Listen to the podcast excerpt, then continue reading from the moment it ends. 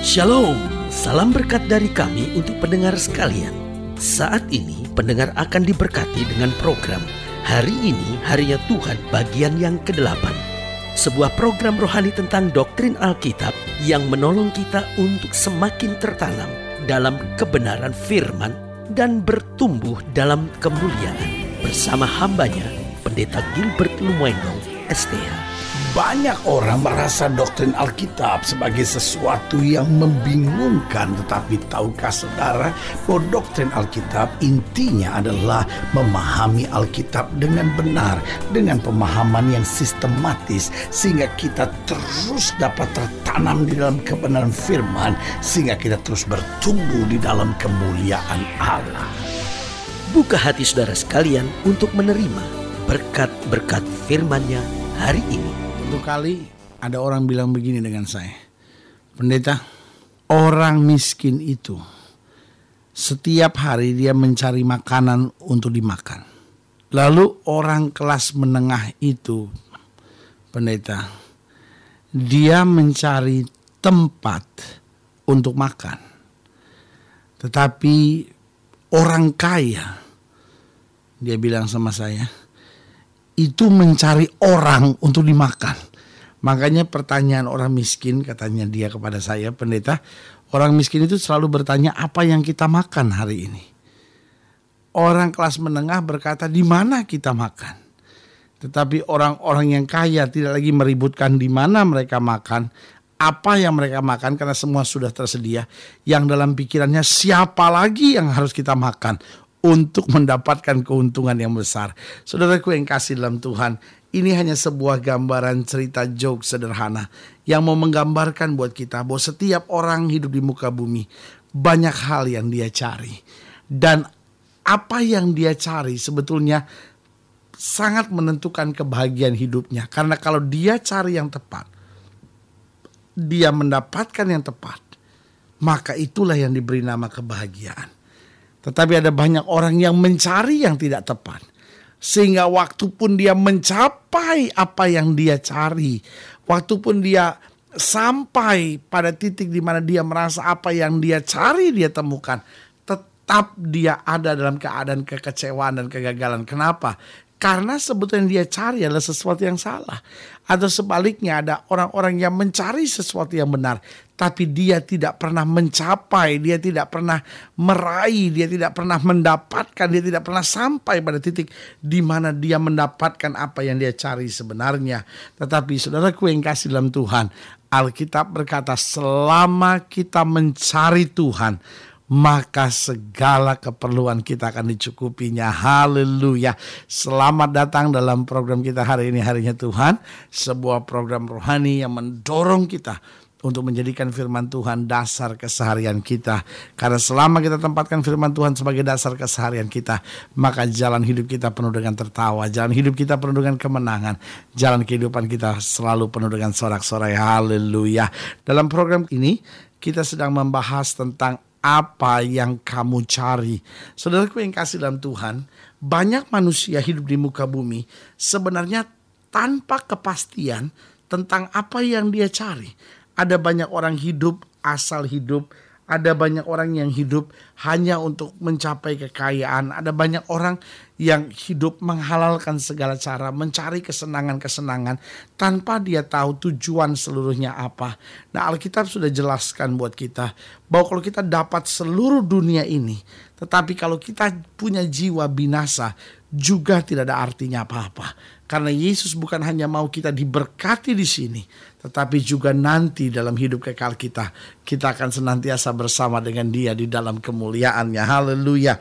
Nah, saudaraku yang kasih dalam Tuhan, dalam program ini kita sedang membahas Yohanes pasal 1 ayat yang ke-35 sampai ayatnya yang ke-42.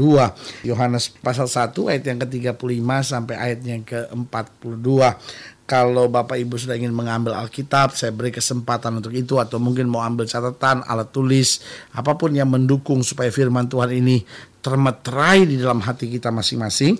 Saya beri kesempatan untuk itu. Lalu kemudian sudah dapat buka bersama saya Yohanes pasal 1 ayat 35 sampai ayatnya ke-42. Pada keesokan harinya Yohanes berdiri di situ pula dengan dua orang muridnya. Dan ketika ia melihat Yesus lewat, ia berkata, "Lihatlah anak domba Allah." Kedua murid itu mendengar apa yang dikatakannya itu, lalu mereka pergi mengikut Yesus. Tetapi Yesus menoleh ke belakang, ia melihat bahwa mereka mengikut dia lalu berkata kepada mereka, "Adakah yang kamu cari?" Loh, saudaraku yang kasih dalam Tuhan, jadi kita lihat Yohanes sedang berdiri bersama dengan dua orang muridnya. Murid yang dididik, murid yang yang diajar oleh Yohanes Pembaptis. Tetapi waktu Yesus lewat dengan tegas, Yohanes berkata, "Lihatlah, inilah anak domba Allah."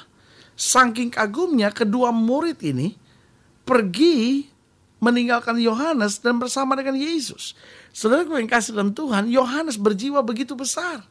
Dia biarkan murid yang telah dia didik, murid yang telah dia bentuk ini untuk berjalan bersama dengan Yesus.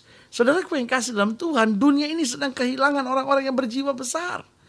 Kadangkala hanya karena jemaat kita pindah ke gereja lain, akhirnya kita benci pendeta itu.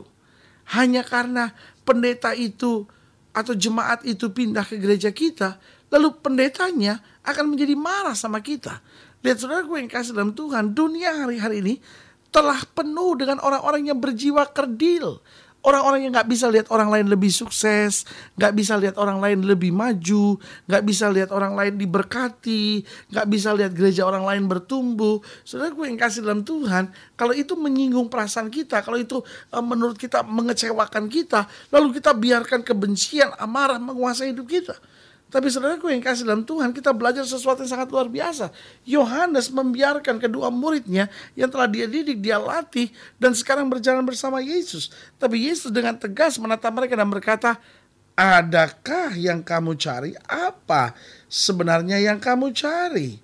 Kata mereka kepadanya, Rabi, artinya guru, di mana engkau tinggal?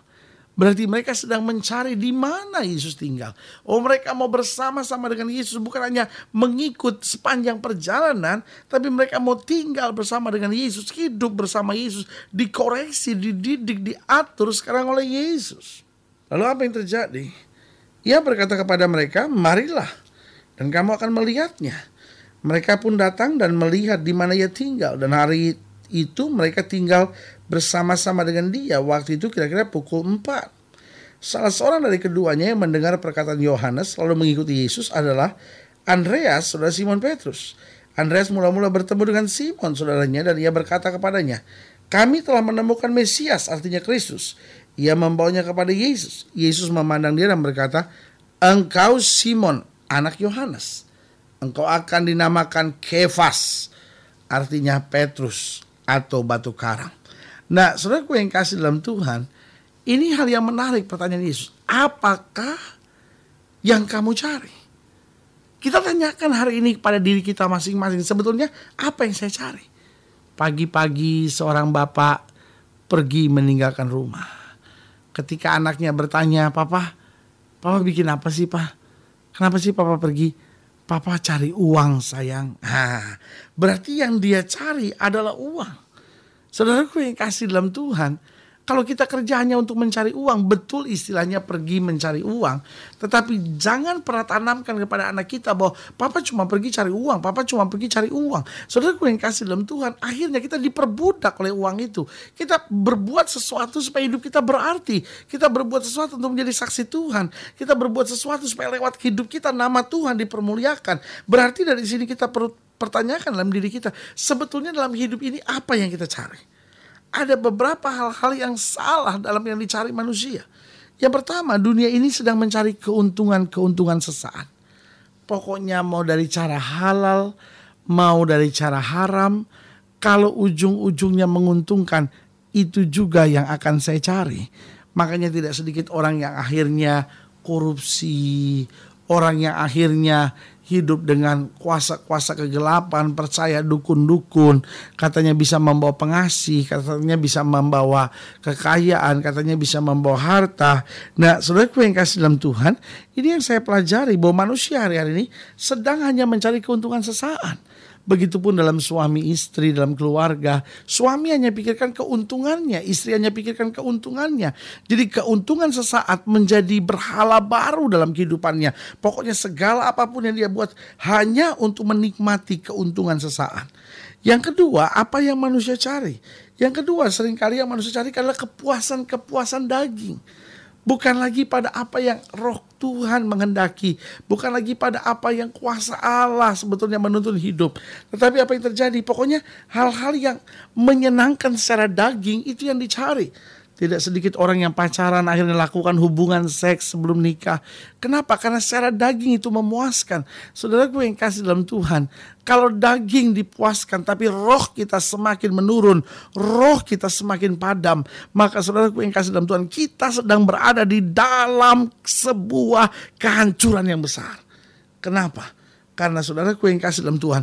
Kepuasan-kepuasan daging ujungnya adalah maut tetapi ketika kita menempatkan Kristus sebagai bagian yang utama dalam hidup kita, maka di situ kita beroleh ketenangan, kemenangan yang sejati. Yang ketiga, apa sebetulnya yang manusia cari? Yang pertama, sudah saya jelaskan buat saudara keuntungan sesaat. Yang kedua adalah kepuasan-kepuasan daging. Dan yang ketiga adalah penghormatan manusia. Manusia pada dasarnya ingin dihargai. Dan ingin dihargai bukan sebuah hal yang buruk dalam kehidupan seseorang.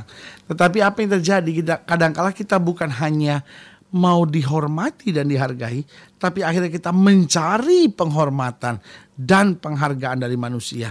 Sehingga tidak sedikit orang yang rela melakukan apa saja demi supaya dihormati, demi supaya uh, dipuji, demi supaya dia bisa diterima dari lingkungannya.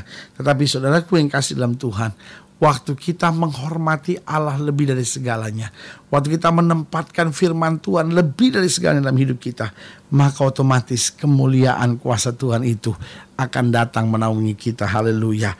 Nah saudara yang kasih dalam Tuhan. Kalau saudara ingin dilayani lebih jauh. Hubungi kami melalui telepon. Hubungi kami melalui surat. Kunjungi website kami karena kami ada untuk membawa Bapak Ibu sudah senantiasa lebih dekat pada Tuhan, mengalami kasih, kuasa, mujizat yang luar biasa. Haleluya. Melalui program ini saya juga mau berdoa untuk setiap saudara yang sakit, setiap saudara yang berbeban berat, setiap saudara yang didoakan secara khusus, dan saudara beriman akan kuasa mujizat Tuhan. Saudara boleh taruh tangan kanan saudara di dada karena Alkitab berkata, tanda-tanda ini akan menyertai orang percaya bahwa mereka akan tumbang tangan buat yang sakit dan yang sakit akan disembuhkan. Dan kita percaya bagi Allah tidak ada perkara yang mustahil apa pun penyakit saudara dengan iman. Letakkan tangan kanan sudah di bagian tubuh sudah yang sakit atau mungkin sudah ada beban, sudah ada masalah, sudah ada persoalan hidup, sudah juga boleh taruh tangan kanan sudah di dada atau mungkin yang sudah cari hari-hari ini memang seperti apa yang sudah disampaikan firman Tuhan yaitu keuntungan sesaat, kepuasan-kepuasan daging atau hanya penghormatan manusia. Lalu hari ini sudah berkata Tuhan, saya mau cari kerajaan Allah serta kebenarannya.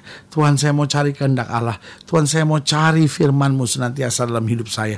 Jika itu doa saudara, sudah boleh taruh tangan kanan sudah di dada dan kita doa sekarang. Bapak dalam nama Yesus hamba doa buat yang sakit hamba doa buat yang berbeban berat hamba doa buat mereka setiap pendengar sekalian yang taruh tangan kanannya di bagian tubuh yang sakit atau taruh tangan kanannya di dada karena berbagai masalah karena persoalan atau sakit penyakit yang telah membelenggu.